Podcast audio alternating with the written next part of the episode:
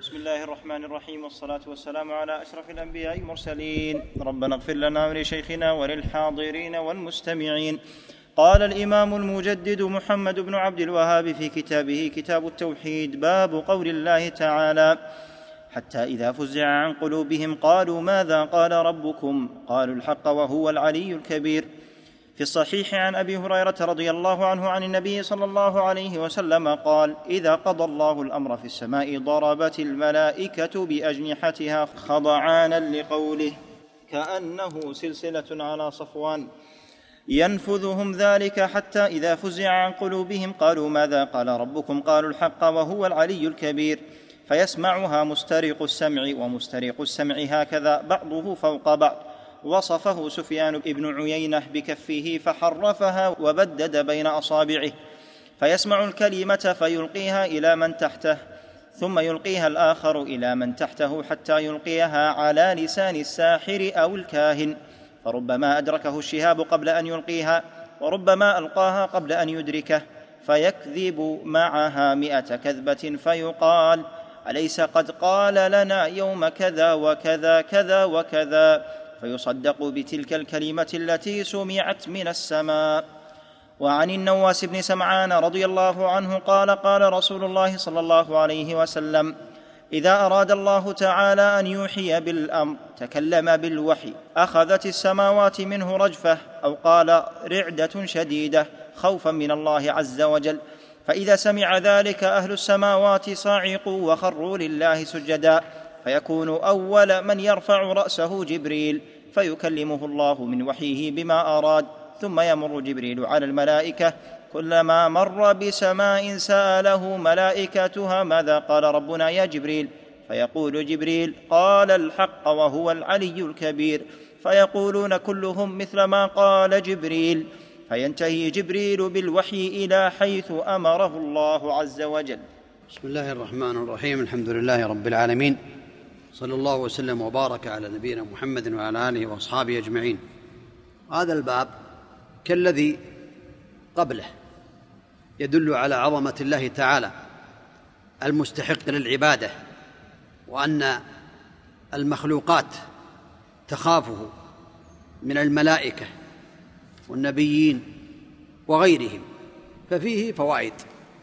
منها أن الملائكة الذين هم عباد الله المكرمون لا يعصون الله تعالى ويفعلون ما يؤمرون تصيبهم صعقة غشية ثم يفيقون حتى إذا فزع عن قلوبهم أي أزيل الفزع عن قلوبهم. قالوا ماذا قال ربكم؟ قالوا الحق وهو العلي الكبير.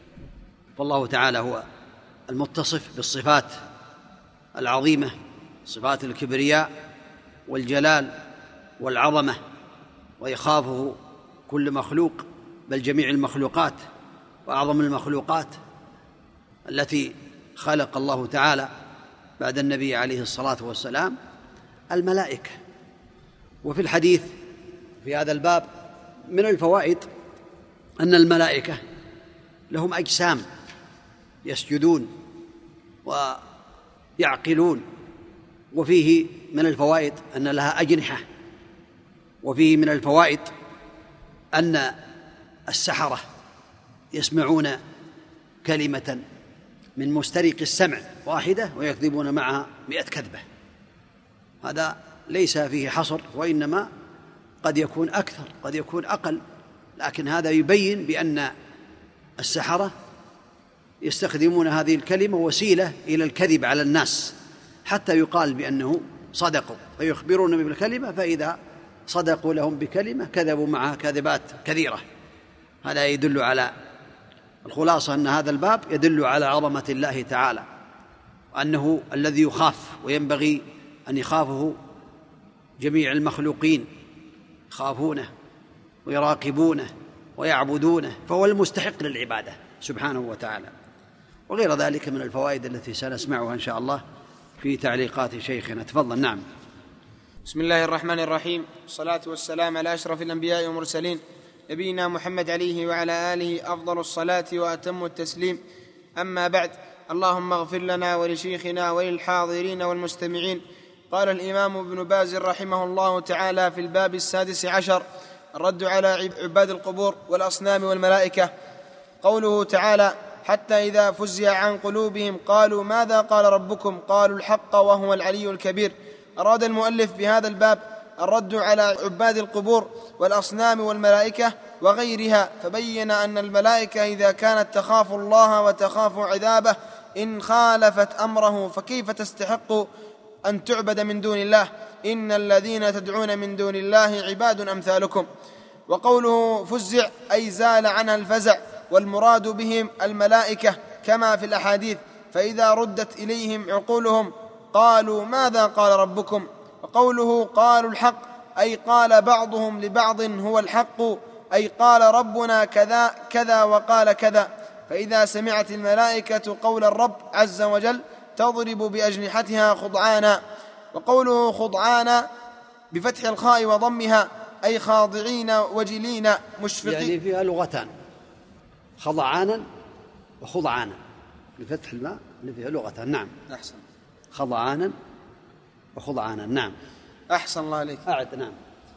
وقوله. وقوله خضعانا بفتح الخاء وضمها خضعانا أي خاضعين وجلين مشفقين بين يدي الله تعالى كأنه ضرب سلسلة الحديد على الصف على الصفوان. فيسمع مسترق السمع من الجن هذا الكلام من الملائكة وهم بعضهم فوق بعض فيلقيه بعضهم إلى بعض حتى يلقيه الآخر للكاهن أو الساحر وتأتيهم الشهب فربما أدركتهم قبل أن يلقوها للساحر وربما أدركتهم بعد أن يلقوها وهذا امتحان من الله لعباده وإلا لو شاء ما استرقوا شيئا فتجتمع هذه الكلمات عند الساحر فيكذب معها مائه كذبة ويصدقون في واحدة فيقول الناس فيما بينهم أليس قد قال لنا يوم كذا كذا؟ فيصدقون الكلمات الكثيرة بسبب واحدة صحيحة فلا ينبغي الاغترار بهؤلاء وتصديقهم لأن صدقهم إما بمشاهدة شيئا في الدنيا وتناقله عن طريق الشياطين بعضهم لبعض أو عن طريق مسترق السمع فالواجب عدم اصغاء إليهم وإن صدقوا أحيانا.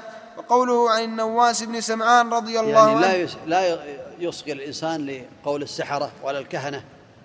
وإن صدقوا في بعض الكلمات لأنهم قد كذبوا وإن صدقوا وإنما يأخذون هذه الكلمة التي يعني يلقونها للناس وسيلة إلى ما يقولون من الكذب والزور وادعاء الغيب أو ادعاء الغيب. نعم. أحسن الله إليك. وعن النواس بن سمعان رضي الله عنه قال قال رسول الله صلى الله عليه وسلم إذا أراد الله أن يوحي بالأمر تكلم بالوحي أخذت السماوات منه رجفة إلى آخر الحديث. قوله سمعان بفتح السين وكسرها أي سمعان. يعني اللغتان يقال سمعان ويقال سمعان. نعم. أحسن الله إليك. وقوله فيكون أول من يرفع جبريل ويقرأ جبرائيل أيضا وهو أول ما- من يفيق لأنه أشرف الملائكة وهو الرسول بين الله ورسله. وكلما مر من سماء سأله ملائكتها والمسترقون يسمعون هذا الكلام بين الملائكة وربما حفظوا شيئا وألقوه إلى السحرة. وقادر على أنهم نجعلهم لا يستريقون لكن هذا حكمة من الله تعالى لحكم عظيمة. والله هو القادر على كل شيء. إنما أمره إذا أراد شيئا يقول له كن فيكون لو شاء سبحانه وتعالى ما استرق هؤلاء السمع. نعم. أحسن الله عليه وربما حفظوا شيئا وألقوه إلى السحرة والكهنة وربما أحرقوا ولم يبلغوا شيئا. حسب مشيئة الله تعالى فالواجب عبادة الله وحده لا حق فيه للملائكة ولا للرسل ولا غيرهم وهذا فيه دلالة على خوف الملائكة وفزعهم منه. ومن صدق بأن الكاهن يعلم الغيب فهو كافر. وفي الحديث ثبوت صفة الكلام لله والإرادة وفيه من فضل كاهنا أو عرافا فصدق بما يقول فقد كفر بما أنزل على محمد صلى الله عليه وسلم. لأنه إذا صدقه معناه أنه كذب الله. يدعي علم الغيب والله تعالى يقول قل لا يعلم من في السماوات والأرض الغيب إلا الله. هذا يصدق. إذن هذا تكذيبا لله تعالى وأنه صدق هذا في ادعاء علم الغيب. الكاهن والعراف لا يؤتى ولا يصدق. نعم. أحسن. أما من أتاه ولم يصدقه يعني أتاه ولم يصدقه وإنما استمع له سأل عن شيء فإنه لا تقبل له صلاة أربعين يوما أو أربعين ليلة كما بين النبي عليه الصلاة والسلام. من أتى كاهنا فسأله عن شيء لم تقبل له صلاة ولم يقل أربعين ليلة ولم يقل فصدقه وإنما أتى وسأله. هذا فيه سد الذرائع حتى لا يذهب إلى الساحر حتى ولو لم يصدقه. فإن صدقه بما يقول كفر بما أنزل على محمد عليه الصلاة والسلام.